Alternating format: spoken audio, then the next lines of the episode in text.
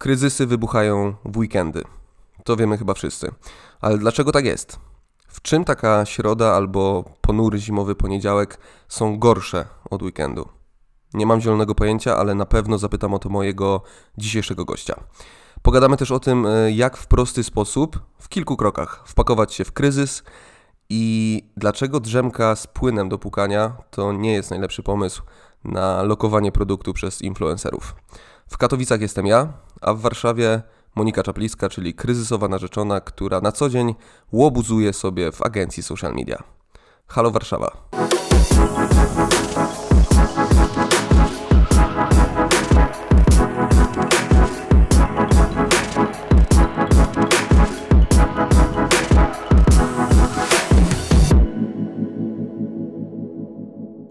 Dzień dobry Moniko. Cześć. Cześć. Powiedz mi, czy kryzysy w social mediach nadal wybuchają w weekendy? Czy się coś ostatnio zmieniło i może masz plażę, drinki z parasolką, totalny offline?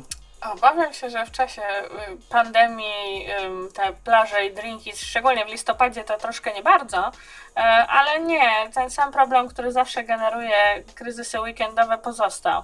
Mm, kryzysy wybuchają w weekendy przede wszystkim dlatego, że w piątek po południu agencja czy osoby obsługujące profil kończą pracę i zaczynają dopiero w poniedziałek rano. A w międzyczasie e, w piątek, sobotę, niedzielę, kiedy inni wszyscy są online, w przeciwieństwie do właśnie obsługi, e, no to tam potrafi się cała, cała apokalipsa odbyć, więc wtedy w poniedziałek rano jest już troszkę pozamiatane i jakby się, e, że tak powiem, już złodzieje. Jesteś już w branży kawałek czasu i zastanawiam się, y, czy masz coś takiego jak y, lista grzechów popełnianych w mediach społecznościowych.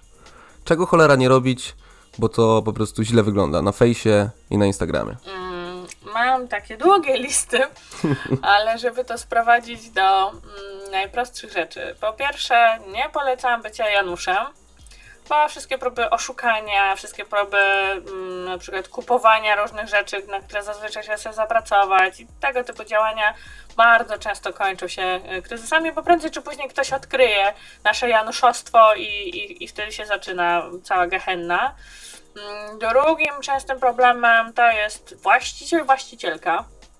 E, oni na pewno są na przykład pasjonatami tematu, oni mogą się znać na różnych rzeczach, ale absolutnie zazwyczaj nie znają się na dwóch rzeczach, czyli na zarządzaniu e, wizerunkiem, tak to powiedzmy szeroko public relation, reputacji itd., tak itd. Tak i bardzo często nie znają się na obsłudze klienta.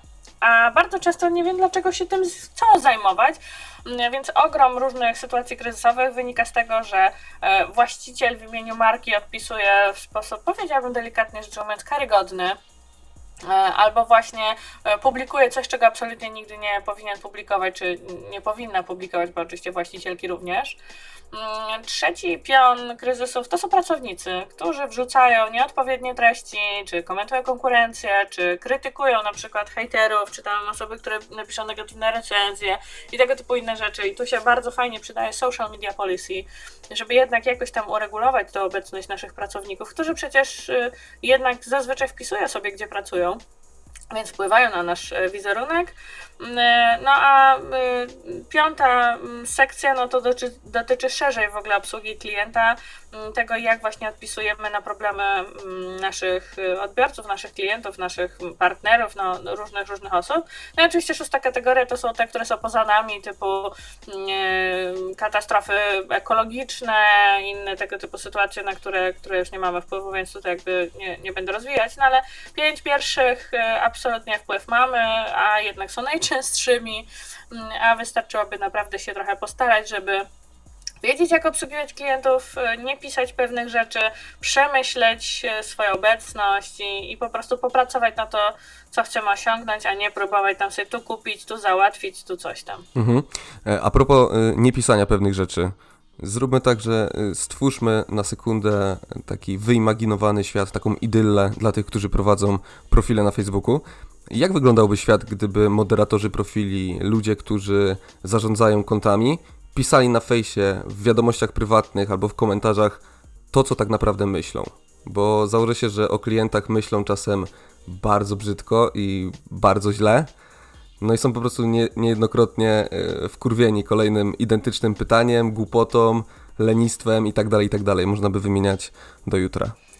no jakby co by się stało, no niewiele by się stało, no bo jeżeli wszyscy by to robili, no to nie, jakby, znaczy może nie wszyscy, bo też pewnie nie wszyscy tak mają, że muszą na kogoś przeklinać, jak się wkurzą na To przykład. na pewno. No ale generalnie, no prawie wszyscy by to robili, więc jakby sytuacja byłaby, myślę, że podobna tak jak teraz. Znaczy, mm,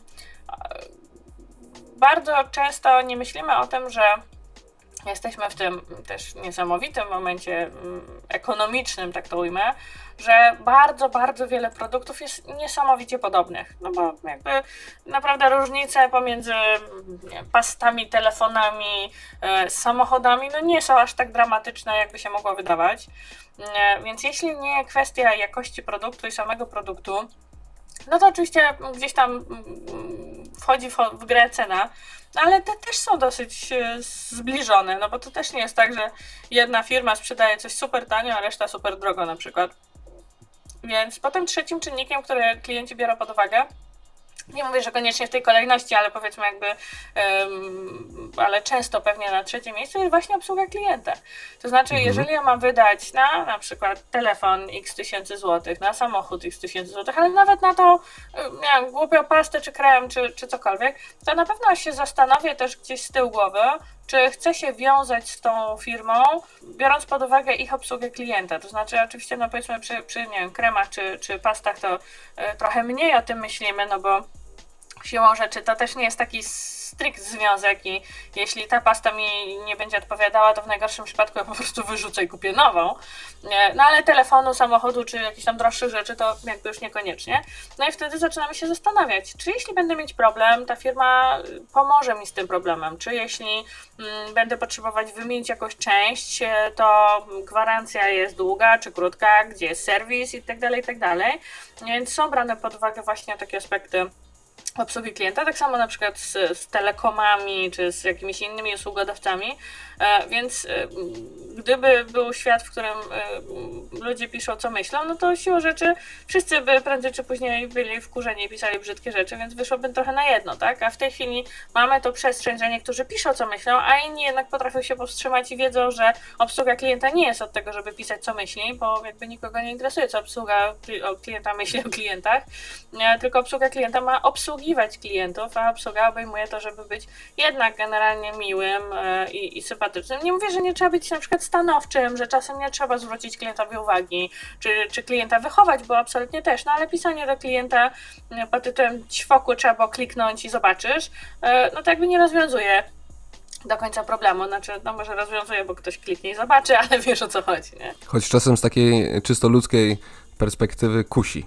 No, oczywiście, że zawsze kusi, no jakby jesteśmy tylko ludźmi i, i też mamy swoje emocje, no ale E, no to jest trochę tak, wiesz, wyobraź sobie nauczyciela czy nauczycielkę w szkole, no ich też na pewno wiele różnych rzeczy kusi, a jednak miejmy cichą nadzieję, że nie realizują tych swoich e, fantazji, co by robili z naszymi e, dziećmi, więc, więc to jest podobnie, no. Jakby wiemy, że, że ludzie bywają wkurzający, nie tylko w obsłudze klienta, ale w ogóle, w sensie nasi potencjalni klienci, których obsługujemy, mm, więc jakby mm, reguły życia społecznego zakładają, że jednak się potrafimy powstrzymywać i nie daje dajemy z liścia komuś, kto nas wkurzy, nie wyzywamy ludzi e, i tak dalej, i tak dalej. I szokująco nie wszyscy wiedzą o tym, bo na przykład w internecie wychodzą z założenia, że, że, że tak można. I ja na przykład bardzo lubię przykład e, pana, który na recenzję, i to jeszcze miejmy jasność, pani nawet nie była klientką, tylko znajomą klientki. Pani zwróciła uwagę, że tam dieta pudełkowa jakaś tam ma rybę, a nie powinna mieć rybę, bo tam już nie pamiętam, czy była wegańska, czy wegetariańska, czy któraś tam, no cokolwiek tego typu. No powiedzmy sobie, nic co niszczy reputację firmy w jakiś dramatyczny sposób, zwraca tylko uwagę, że ewidentnie e, osoba, która układa te diety, faktycznie dołożyła rybę nie tam, gdzie powinna, no ale jakby nie jest to koniec świata, na co właściciel firmy napisał prywatną wiadomość y, do pani, y, że generalnie fundnie jej tam psychologa, psychiatrę, kogoś tam już nawet nie pamiętam dokładnie, że prawdopodobnie jest, że tak powiem dosłownie niedoruchana, y, że ma taki problem, nie? Mhm. Myślisz sobie, ale dlaczego ty to człowieku byłeś napisałeś? Why? Jakby co się zadziało w twoim życiu, że czujesz potrzebę pisać do obcej kobiety, że jest niedoruchana. No jakby myślę sobie, że jeżeli właściciel ma takie podejście do klientów, no to myślę sobie, no ja podziękuję, nie będę klientką takiego, takiego właściciela. Nie? No i już prawdopodobnie nigdy tam nie wrócisz.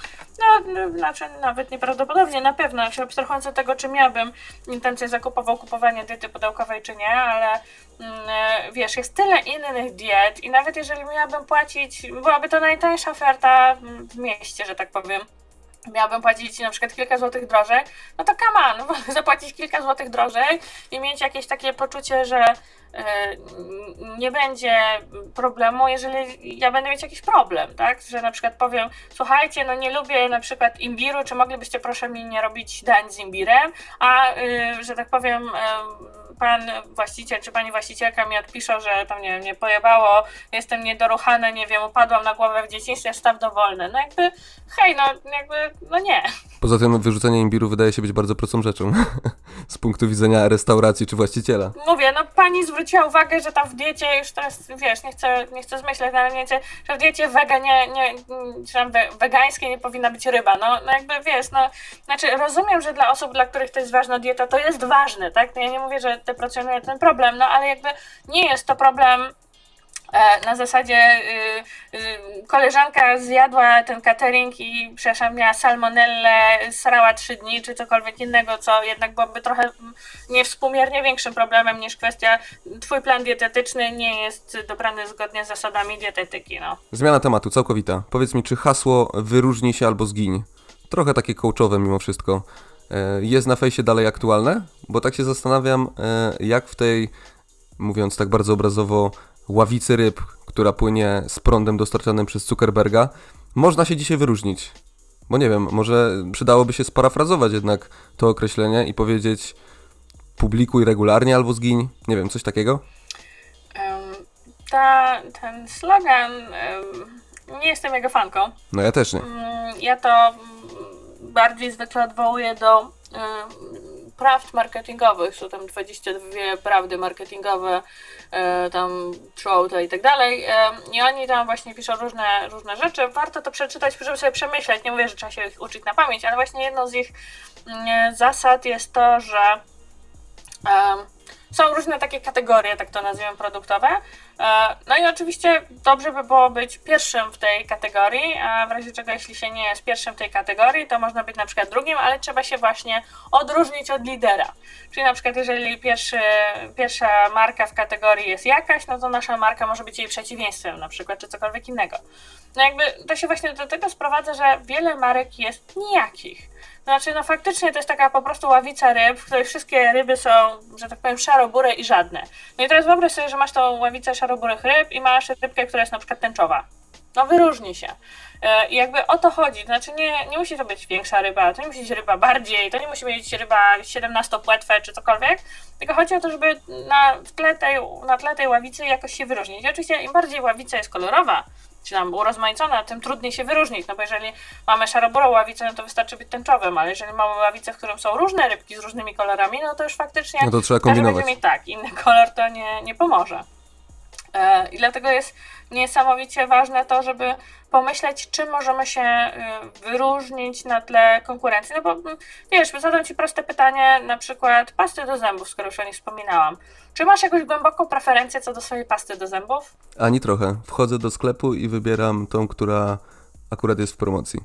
No tak, czyli patrzysz na cenę, ponieważ dla ciebie te pasty są przeźroczyste, znaczy nie robi ci to żadnej różnicy, czy to będzie e, Colgate, Oral-B, czy mm, nie wiem, jakikolwiek tam Meridol, czy inna, czy inna pasta. Wszystkie spełniają tę samą funkcję. Mniej więcej tak. I oczywiście wiesz, producenci skaczą sobie, że tak powiem, na rzęsach, y, wykonując salta, trzepocząc uszami pod tytułem ta pasta ma takie możliwości, a ta jest tak bardziej nie wiem, wybielająca, ta jest bardziej total, a ta jest bardziej daje świeży oddech, a to jest jakaś tam, a to jest coś tam, ale dla większości ludzi ten, ten problem jest przeźroczysty.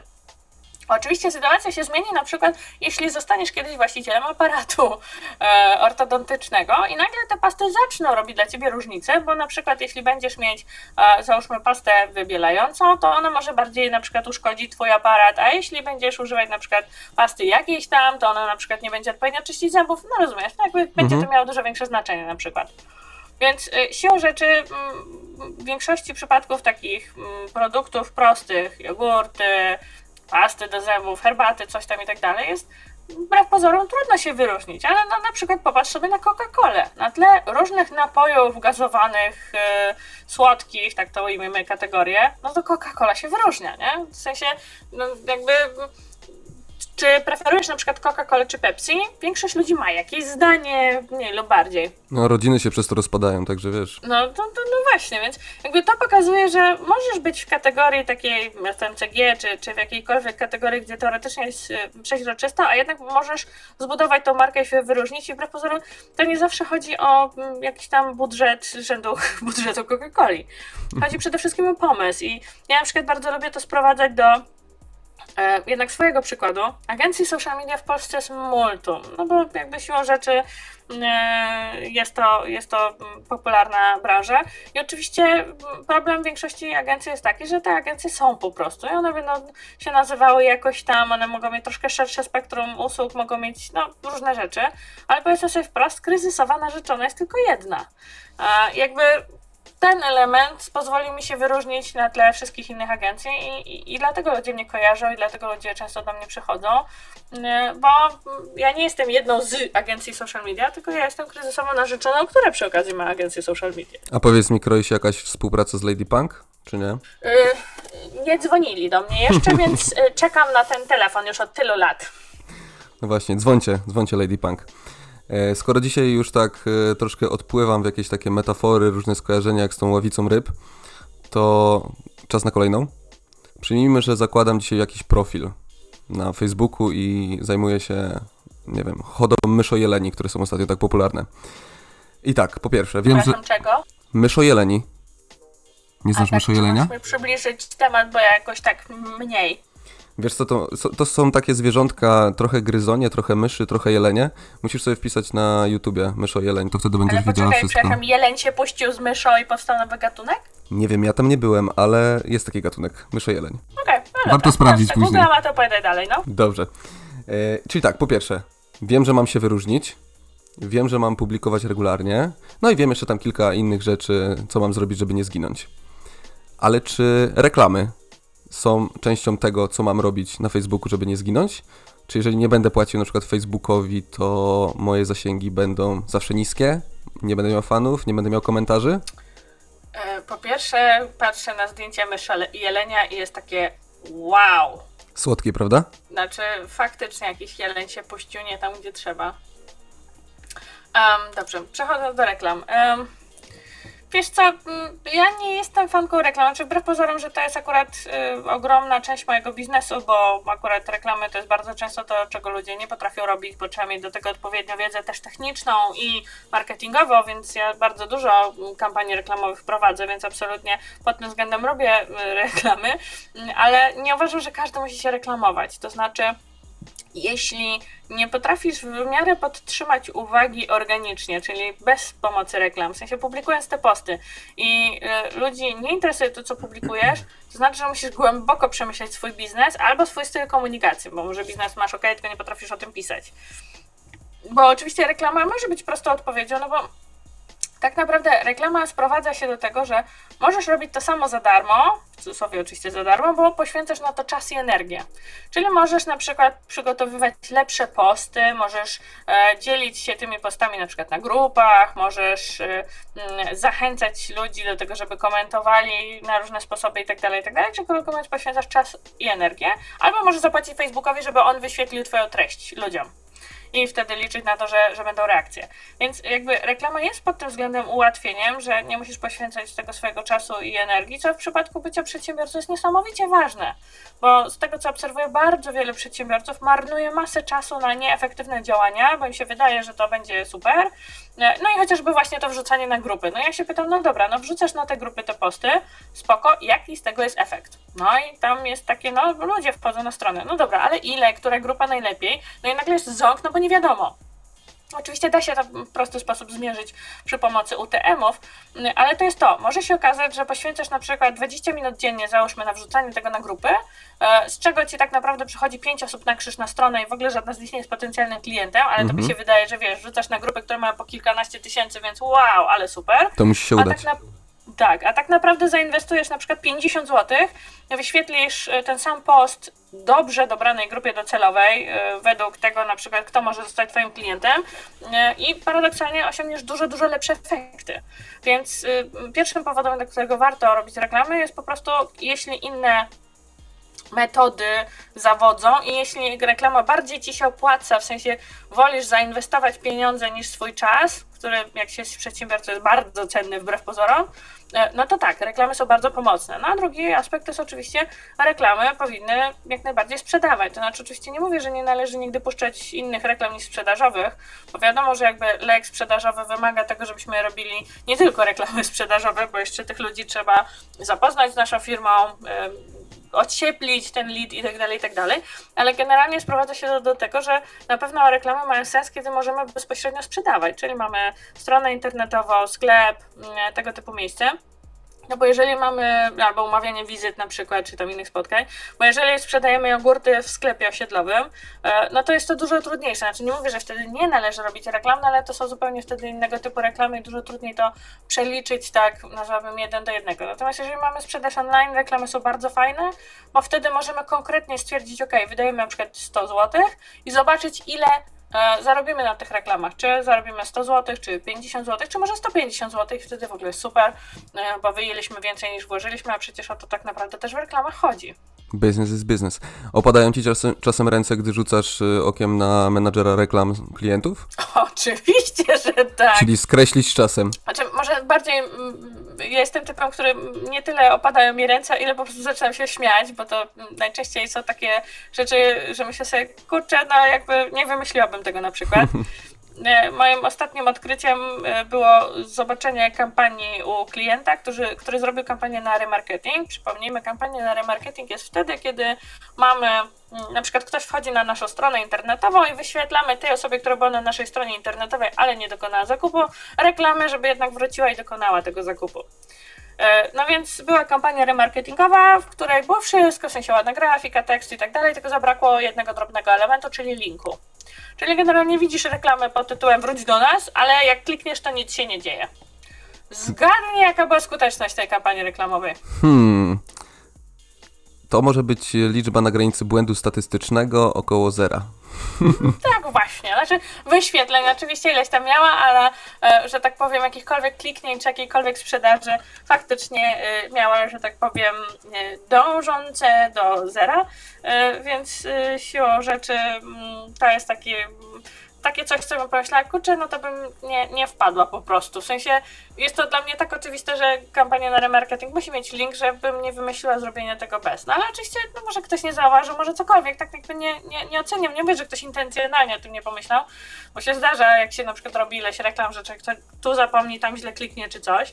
E, no ale to są takie rzeczy, które potem powodują, że wiesz, wydasz ileś pieniędzy i nie ma efektów i zastanawiasz się, czemu nie ma efektów, a to jest taki prosty błąd, który, który trochę przekreśla.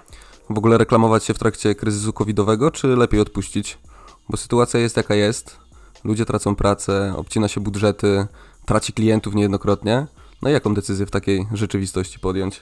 Wiesz co, to nie jest takie zero-jedynkowe, to znaczy mm, każdy powinien to przeanalizować wewnętrznie e, w zależności od y, branży, od budżetu, który ma, od perspektywy firmowej itd., tak itd. Tak Więc to nie jest tak, że wszyscy się reklamujecie albo nikt się nie powinien reklamować. Znaczy są firmy, które powinny zainwestować, a są pewnie firmy, które powinny się wstrzymać, e, e, jeśli chodzi o te mm, inwestycje.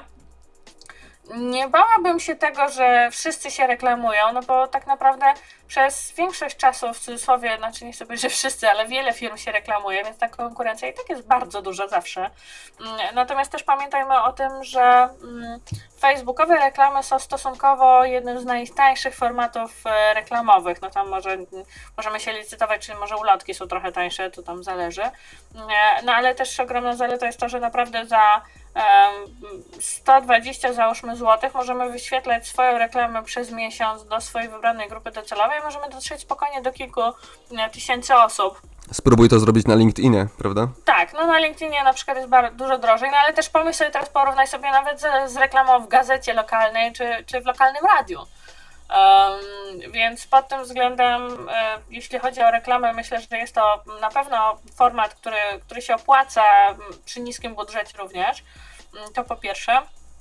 E, a po drugie, oczywiście jest kwestia tego, że musimy się zastanowić, no bo bardzo często mm, ludzką naturą jest to, że jest źle, to oszczędzę wydatki, po to, żeby oszczędzić pieniądze. Tylko problem polega na tym, że w momencie, w którym oszczędzam y, na wydatki, takie właśnie jak na przykład marketing, to znaczy, że mniej klientów do nas przyjdzie. No bo ludzie jak nie będą widzieli naszej reklamy, jak nie będą wiedzieli, że mamy jakąś tam ofertę i tak dalej, no to nie kupią siłą rzeczy, no bo zostaną z nami tylko ci, którzy faktycznie są naszymi lojalnymi klientami albo, albo kupują regularnie, albo coś tam.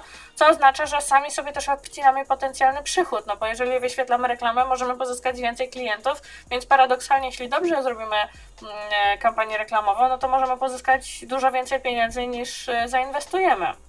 I oczywiście to, jaki będzie ten współczynnik, tak zwany ROAS, czyli zwrotu z inwestycji w reklamę, no to zależy od bardzo wielu czynników, ale no nawet jeżeli zainwestujemy 100 zł i zarobimy 120 zł, to i tak nam się to opłaca, bo jednak zawsze zostajemy dwie dychy do przodu, tak? Zawsze jakiś income. Budżet na przykład, że to będzie 1000 zł, zarobimy 1200 zł, tak? I już mamy 200 zł jakby awansem nawet na następną y, kampanię, więc nie, nie, nie zaliczamy straty, tak to, tak to nazwijmy. A nawet jeśli wyjdziemy na zero, y, to i tak i tak to się może opłacać, dlatego że wtedy po prostu mamy tą sprzedaż, czyli mamy, y, mamy pracę dla tych naszych pracowników, tak? No bo jeżeli mamy na przykład jakiś tam zakład produkcyjny, czy, czy, czy sprzedajemy jakieś usługi, no to jeżeli nie ma klientów, to płacimy pracownikom za nic, y, więc lepiej mieć klientów, nawet jeśli z tej kampanii mielibyśmy wyjść na zero, ale przynajmniej mieć tych klientów, żeby nasi pracownicy mieli co robić, no. Powiedz mi, który kryzys w mediach społecznościowych z naszego polskiego lokalnego ogródka przykuł ostatnio Twoją uwagę? Ostatnio, ostatnio jest bardzo nie, nieprecyzyjny. To może przyjmijmy 2020 rok, taka e, topka 2020. Wiesz co, jeszcze, jeszcze się nie zastanawiałam, bo ten rok był na tyle specyficzny, że zazwyczaj masz rację w, w tym czasie, że tak powiem, e, już gdzieś tam e, robię ten, ten ranking kryzysów i mm, w zeszłym roku w top 3 w, w głosowaniu na mojej grupie kryzysowej na Facebooku. Y, na początku robię, zbieram wszystkie propozycje, a potem y, robię z tego mm, y, ankietę, że tak powiem, i ludzie głosują, więc w zeszłym roku to było chyba w zeszłym roku, wygrała Martyna Wojciechowska z Wodą Żywiec i tłumaczenie, że plastik jest super ekologiczny. Mm, wygrał pan z pana Sonika, pana Sonika, bo tak, e, który który szukał asystentki mm, i pytał, czy dobrze się bzyka. I trzecie miejsce zaszczytne. Uuu, nie pamiętam nawet. No, trzeba by zobaczyć mnie na blogu. E, ale z tego roku. Hmm, tego roku. Szczerze mówiąc, nie przypominam sobie takiego oszałamiającego e, kryzysu z tego roku. Znaczy, no myślę, że chyba gdzieś tam emocjonalnie e, rezonuje, ale nie wiem, czy to ze mną indywidualnie, czy w ogóle, e, to dużo się mówi o, o kryzysie związanym, o kryzysie metkowym, tak to nazwijmy, mm, ale to bym ujęła jako szeroko, w sensie nie chcę podawać konkretnej marki, znaczy oczywiście wiemy ile było różnych marek, ale powiedziałabym szerzej, to znaczy okazało się, że kilka różnych firm sprowadza produkty z Chin, po czym wciska kit, że jest to na przykład polska produkcja albo, albo cokolwiek tego typu. Jakby myślę, że jako, jako taki całokształt, nie, nie konkretnego case'u, tylko mm, wiele takich przypadków, które były w tym roku, to myślę, że to byłby taki, który zwrócił, zwrócił mój, zwróciło moją uwagę, bo to jest taki nowy typ kryzysu, właśnie takiego oszukiwania mm, konsumentów, jeśli chodzi o, o kraj pochodzenia, co oczywiście jakby samo w sobie oszukiwanie co do kraju jest niefajne, ale jeszcze to nie jest koniec świata, no ale jeżeli kupujesz coś po przysłowiowych 5 dolarów, a sprzedajesz po 500 zł, bo o Jezu, to jest produkowane ręcznie przez nasze szwaczki, dobre, bo polskie i coś tam, coś tam, no to to już jest za przeproszeniem rżnięcie głupa, nie? I w taki oto sprytny sposób przejdziemy od metek do influencerów. O, no akurat trafiłeś, jak się domyślasz. Powiedz mi, położyłabyś się z Lenorem do łóżka w ramach współpracy? Um, um, znaczy, ja jednak hoduję zasadzie kampanii, której byłam jedną z twórczyń, czyli nie czytasz, nie idę z tobą do łóżka. Więc obawiam się, że pod tym względem Lenor by odpadł z potencjalnych y, towarzyszy, właściwie bardziej towarzyszek w moim przypadku, y, łóżkowych przygód. Y, natomiast, no wiesz, zdaję sobie sprawę z problemów, które stały przed influencerami. No oni dostają, przynajmniej oczywiście mówimy o tych topowych, bardzo dużo różnych propozycji współprac. No i oczywiście im więcej tych współprac, tym bardziej marki oczekują czegoś bardziej, nie? Żeby było bardziej wow, właśnie tego wyróżnij się. E, no więc nie dziwię się, że, że następuje taki moment, w którym fakt, że zrobisz sobie zdjęcie z produktem już nie wystarczy, więc musisz zaczynać robić całe stylizacje, aranżacje, konteksty i nie wiadomo co jeszcze. E, więc wiesz, no kwestia jest taka, że są ludzie, którzy mają do tego więcej pomysłów i więcej jakby mają możliwości, że tak powiem, żeby sobie poszaleć, no są tacy, którzy są bardziej ograniczeni w tym obszarze. E, to, to jest jedna kwestia, ale dla mnie z punktu widzenia marketingowego jakby mniej oceniam to, czy, czy należy leżeć z Lenorem, czy należy mu czytać, czy, czy coś tam, tylko bardziej jest kwestia czy ja jako marketingowiec realizuję założone y, KPI, jakkolwiek to strasznie brzmi, czyli czy realizuję to, co, na czym mi zależy ponieważ y, słynna, już jakże wspomniana kampania miała posłużyć temu, aby y, zareklamować nowy zapach. Zapytam Cię wprost, czy pamiętasz, jaki był to zapach? Ni cholery. No właśnie, więc jakby to jest najlepsza odpowiedź. Znaczy, ludzie zapamiętali fakt, że blogerka wiadomo, czy tam influencerka wiadomo jaka, leżała z produktem, nawet załóżmy, że pamiętają jaki to był produkt, ale założenie pod tytułem hej, jest nowy produkt o zapachu takim i takim, w ogóle ludziom nie weszło jakby nie jesteś wyjątkiem w tej kwestii. Więc pod tym względem, abstrahując od tego, czy powinna leżeć, nie powinna leżeć, coś tam, coś tam, problem polega na tym, że nie został zrealizowany cel, przynajmniej oczywiście to jest moja hipoteza, że taki był cel, ale no taka szła informacja przy okazji tego, że jest nowy zapach, e, zapach produktu, więc jakby jeśli chodziło o to, żeby poinformować ludzi o tym, że jest nowy zapach, i oczywiście zakładamy, że optymistycznie dobrze by było, żeby w miarę kojarzyli, przynajmniej wiesz, nie chodzi o to, żebyś rozróżniał, że to jest zapach taki czy siaki, ale żebyś na przykład kojarzył, że to jest zapach, nie wiem, bardziej morski, bardziej kwiatowy, cokolwiek, nie? No ale no, ni Dudu nie będziesz pamiętał, gdyż skupiłeś się zupełnie na innym aspekcie tej kampanii. Pod tym względem sądzę, że był to, mm, że był to problem, no bo też sądzę, że mm, marka taka jak y, Leonard nie potrzebuje koniecznie po prostu ekspozycji, żeby ludzie sobie przypomnieli, o faktycznie jest taki płyn do, y, do spłukania. Oczywiście no, na pewno to się akurat udało, no bo wiele osób i zapamiętało i przypomniało i na pewno też e, zapamiętywalność marki e, była większa, więc e, w sensie nazwy i, i bycie top of the mind, jak to się ładnie mówi, czyli na pytanie, jaki płyn do płukania kojarzysz, no to Lenor pewnie częściej się pojawiał niż wcześniej, co oczywiście też jest zaletą, więc nie mówię, że ta kampania była całkowicie jakąś porażką, ale jeżeli jednym z celów, e, myślę, głównych było to, żeby ludzie wiedzieli, że jest nowy zapach, no to tutaj jakby niestety porażka na całej linii. Więc to jest zawsze ryzyko współpracy z influencerami, że influencerzy są nieźli, jeśli chodzi o mm, informowanie o naszych produktach, e, gdzieś tam budowanie wiarygodności naszej marki, ale jeśli chodzi o kwestie e, sprzedażowe, czy kwestie takie powiedziałabym bardzo celowane, no to tutaj jest bardzo trudno, żeby, żeby te kampanie były udane. Nie mówię, że nie ma udanych, bo oczywiście są, ale większość influencerów ma z tym duży, duży problem, więc e, ja dlatego często zniechęcam swoich klientów do kampanii z influencerami, e, no bo najczęściej moi klienci chcą sprzedaży i odpowiedź jest prosta, no influencerzy słabo zazwyczaj dowożą to sprzedaż, a nawet jeśli potencjalnie by mogli, to nie są bardzo często w stanie tego udowodnić, żeby mogli. A ja nie będę ryzykować wiesz, za barter to jeszcze sobie możemy poszaleć, ale no nie będę ryzykować na przykład za, za grube tysiące złotych, e, kiedy ja mogę mieć, wiesz, analogicznie reklamę, e, która mi dostarczy jakby pewnych wyników sprzedażowych, czy tam semi pewnych wyników sprzedażowych, nie? Wiesz co, ja pytam o tą e, blogerkę i o płyn do pukania e, nie po to, żeby się śmiać, tylko po to, żeby zapytać, czy nie uważasz, że przez tą karuzelę produktową, która pojawia się w mediach społecznościowych u influencerów, e, to jednak oni stracili na wiarygodności?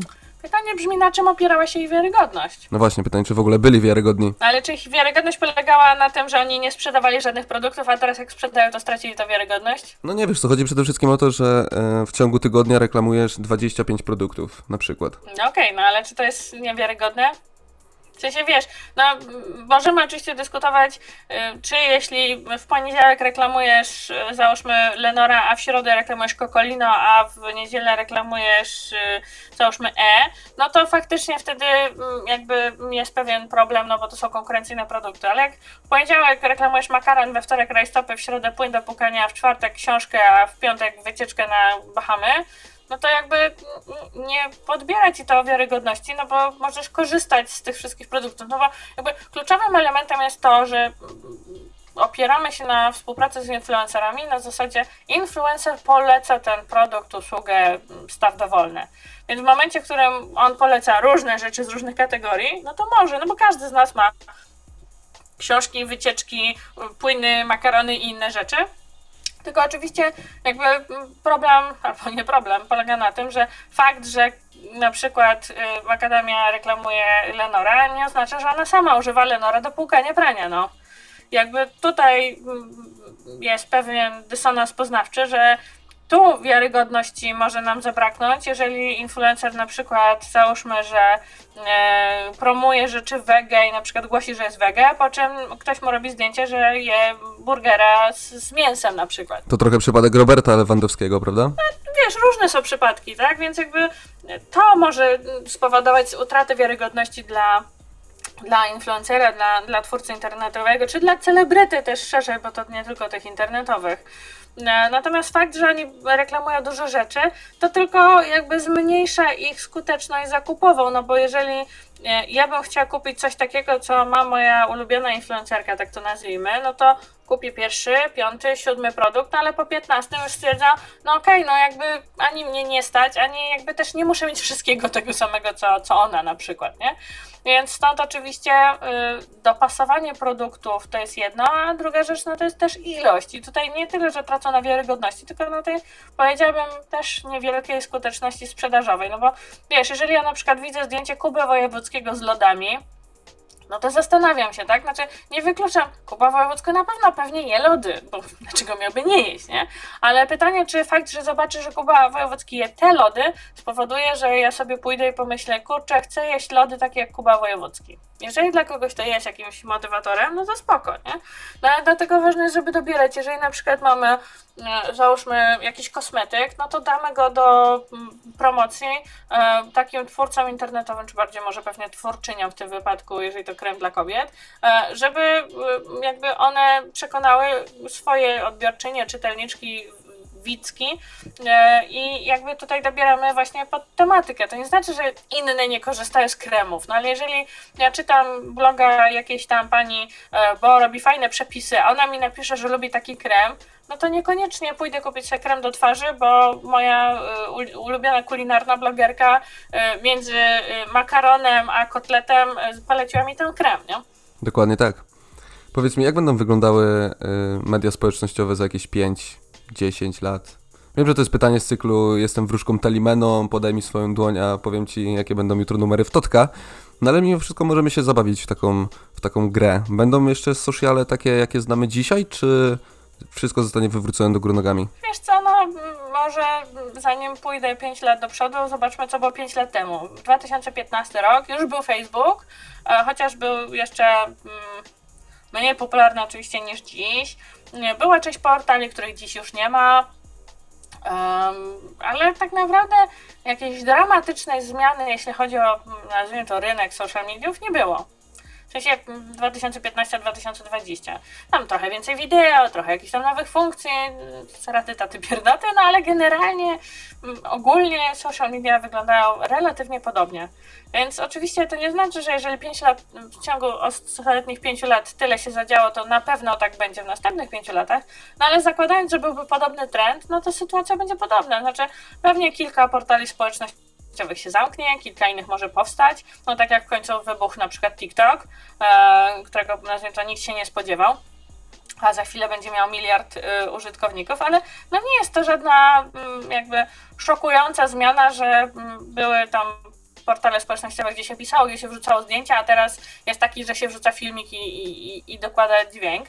E, więc te zmiany są, powiedziałabym, w takiej perspektywie trochę czołgające, nawet jeżeli one z naszej perspektywy obecnej wydają się takie, nazwijmy to, rewolucyjne, bo o Jezu, Jezu, właśnie tutaj zmienia zasady gry, no ale z takiej szerszej perspektywy przynajmniej e, kilkunastu lat, bo ja mam konto na fejsie od 2009 roku. I to na samym fejsie, nie mówimy jeszcze o wcześniejszych social mediach przed Facebookiem, e, więc wiesz, z tej perspektywy 11 lat, no to jakiś tam szał w tych zmianach nie ma, znaczy no wiadomo, tam tu powstały strony, są inaczej reklamy i tak dalej, i tak dalej, no ale przy zmianie pod tytułem nie było internetu, jest internet na przykład, albo y, że wiesz, mój dziadek jak się rodził w 28 roku, no to generalnie radio było takim y, czymś, co, co powiedzmy gdzieś tam było, ale też nie było jakieś tam, wiesz, że każdy miał, nie wiem, w domu radio, e, powiedzmy, że było w miarę popularne. On potem oczywiście doświadczył mm, powstania telewizji, mm, no a potem doświadczył oczywiście powstania internetu, a w ramach tego internetu mm, doświadczył tych, tych social mediów i zresztą dziadek ma konto na fejsie na przykład i tak dalej.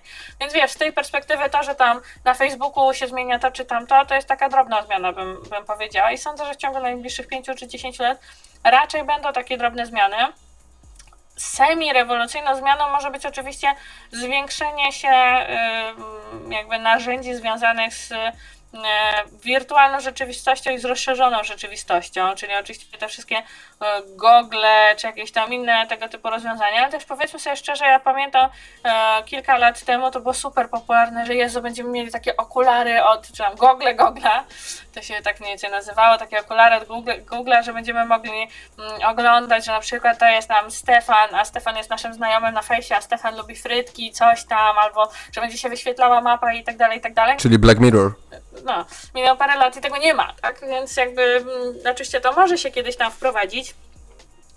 I, I why not?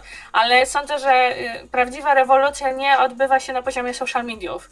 E, prawdziwa rewolucja od, mm, dzieje się na poziomie e, machine learning, sztucznej inteligencji i tak dalej. Oczywiście ono może wpłynąć na, znaczy na cały czas wpływa na media społecznościowe, sam fakt, że, e, że wiesz, na przykład to, jak działa system reklamowy na Facebooku, jak on się doskonale optymalizuje, jak maszyna jest w stanie się naprawdę nauczyć tego, kto jest naszym klientem, kto powinien kupować, komu wyświetlać reklamę itd., tak itd., tak e, to są oczywiście takie rzeczy, które są e, w pewnym sensie nie, nie, nie pojęte z, z perspektywy na przykład właśnie mojego dziadka.